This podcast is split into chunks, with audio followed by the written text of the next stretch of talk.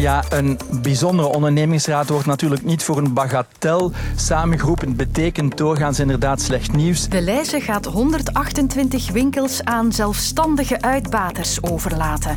Wat zijn de gevolgen? Toutes les choses que, que j'aimais m'ont aidé à, à continuer ma vie. De gevolgen van de aanslagen, het leed uh, dat is aangericht, gaan een gezicht krijgen. Wat vertellen de slachtoffers op het terreurproces? Puree of rijst, eigenlijk nooit frietjes. Vond ik wel spijtig. En hoe goed moet ziekenhuiseten zijn? Wat ik daar te eten kreeg in Gasthuisberg, dat was gewoon ondermaats. Ik ben Sophie van der Donkt en ik probeer het komende kwartier geen slappe kost te serveren. Welkom.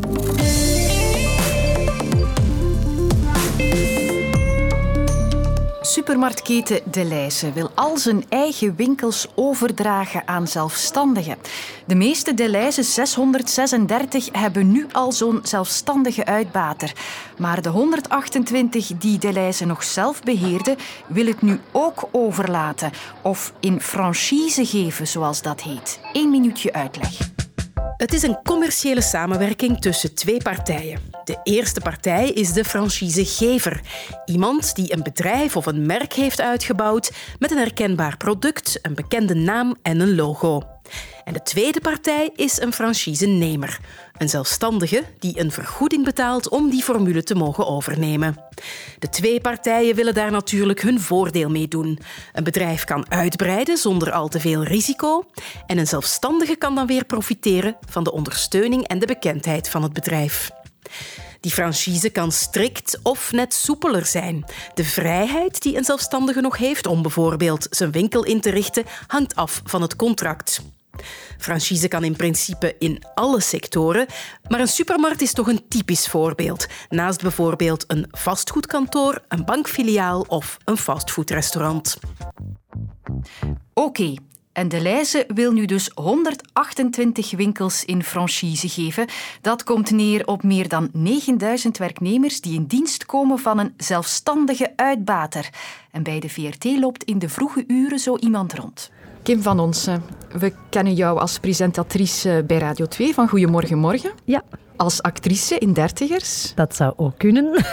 maar je bent ook al jarenlang zelfstandig uitbater van een Deleuze. Toch ondertussen al bijna twintig jaar, dus dat begint al, uh, al te tellen, ja.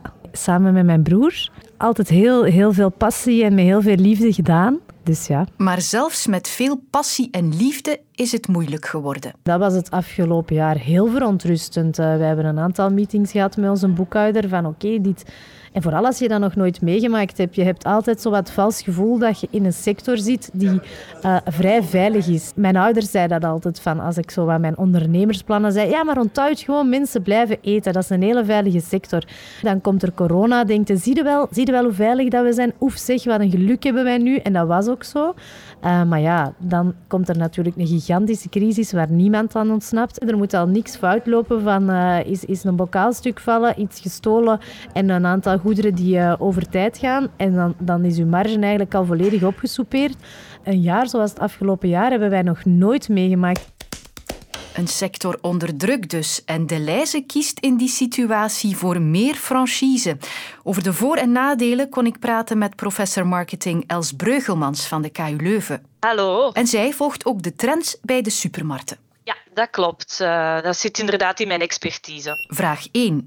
Moeten de werknemers echt vrezen voor slechtere voorwaarden bij een zelfstandige uitbater? Ja, het is inderdaad zo dat de zelfstandige uitbaters veel meer flexibiliteit vragen van hun uh, medewerkers. Hè. Langere openingsuren, uh, flexibeler momenten om te komen werken. Dus uh, die vrees kan ik wel ergens volgen. Je ziet ook dat de langere openingsuren toegepast wordt bij de filialen die door de zelfstandigen uitgebaat worden. Vraag 2. Welk voordeel zoekt de Leijse met de verzelfstandiging? Ja, zij zoeken vooral een besparing in de kosten. Um, ze zijn uh, een winkel die al heel lang actief is, die ook heel wat personeelsleden al een lange tijd heeft aangesteld. En ja, dat begint natuurlijk zeer kostelijk te worden, anciëniteit, maar ook wat we hier in België kennen, de loonindexering. En um, als je dan in een holding zit um, met Nederlandse ketens waar dat helemaal anders is, hè. er is geen loonindexering daar, er zijn daar heel veel jobstudenten, dan viseert men natuurlijk die hoge kostenpost van die lonen, uh, van dat salaris van die medewerkers. En uh, die verzelfstandiging is een manier om die lonen naar de zelfstandigen te duwen en niet meer op de eigen payroll te nemen. Vraag 3. Voor de klant, is dit nu een voor- of een nadeel? Ja, het hangt ervan af. Het kan beter of slechter zijn. Je hebt uh, bijvoorbeeld een zelfstandige die heel goed weet wat je wilt, uh, die dicht bij de klant staat. Dus die kan zijn assortiment zodanig aanpassen dat het heel goed aansluit bij de behoeften van zijn klanten. Maar anderzijds, um, omdat het assortiment niet in elke delijze identiek is, kan het gebeuren dat er een folder komt waar een product in staat dat dat niet bij jou de lijze uh, ligt, omdat die zelfstandige dat niet heeft opgenomen in het assortiment. En dat is natuurlijk frustrerend en een nadeel voor de klant. En tot slot, is franchise nu de toekomst bij de supermarktketens? Het is in elk geval um, een, een, verdienmodel waar heel wat andere ketens ook naar kijken. Hè, omdat het, uh, ja, je legt de investering uh, bij iemand anders, hè, bij de zelfstandige ondernemer, die er ook alle baat bij heeft dat die winkel zal lukken. En dus daar zitten heel wat uh, interessante zaken in zo'n franchise-model. Oké, okay, daarmee zijn mijn vragen beantwoord. Dank je wel. Met plezier.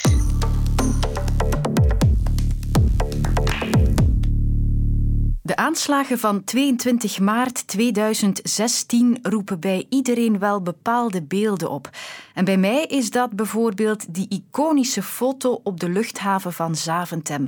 Van een stewardess op een bankje met een gescheurd vestje aan, duidelijk in shock, bebloed en helemaal onder het stof. Haar naam is Nidi Chapekar. En vandaag heeft ze getuigd op het terreurproces in Brussel.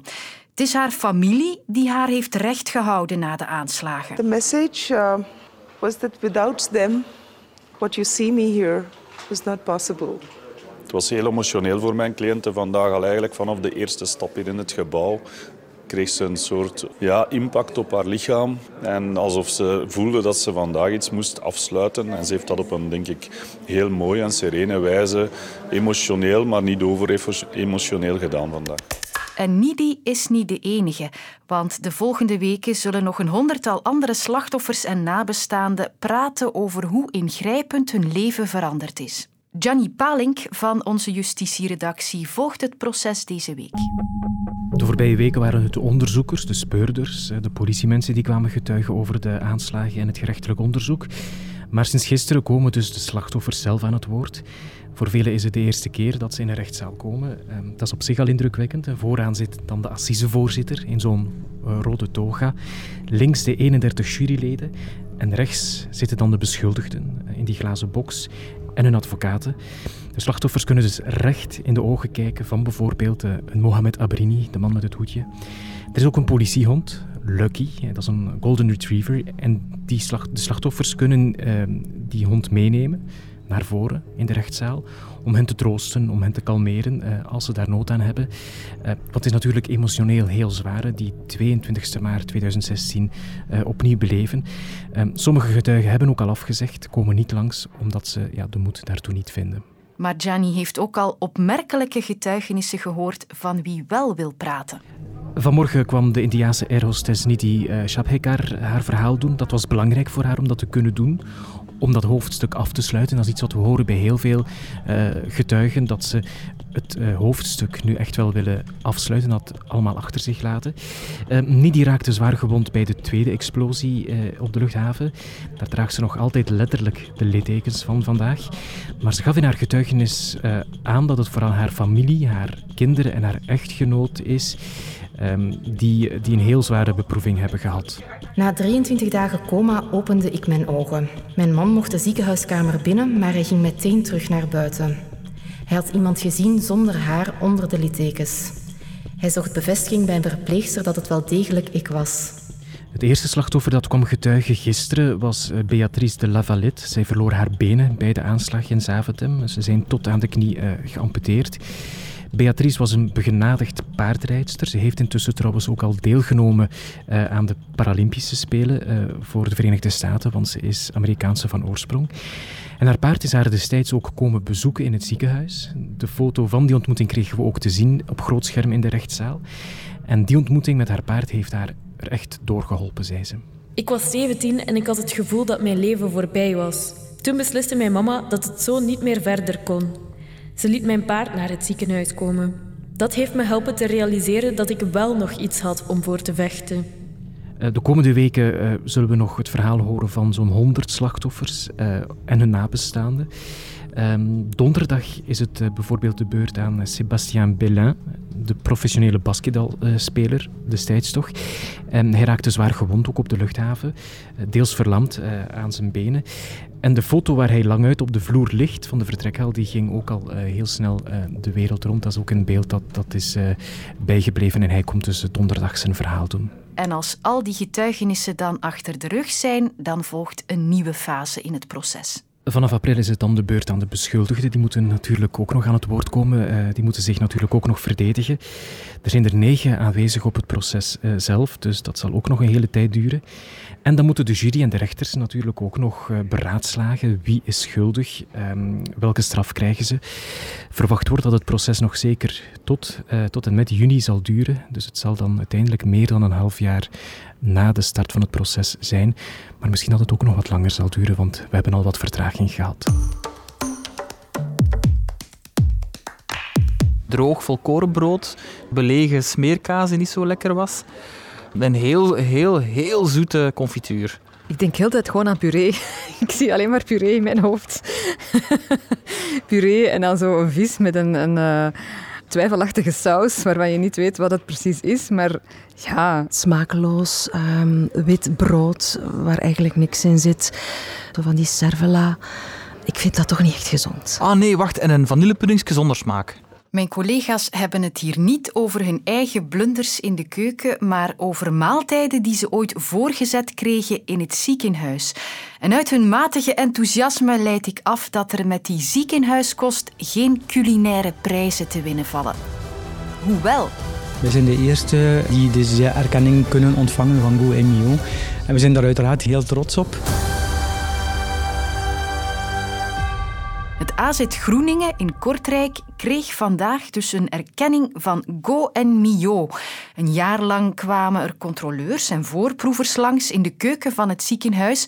En Go en Mio werd overtuigd en ging dus vandaag naar Kortrijk met het allereerste keurmerk voor een Belgische ziekenhuiskeuken.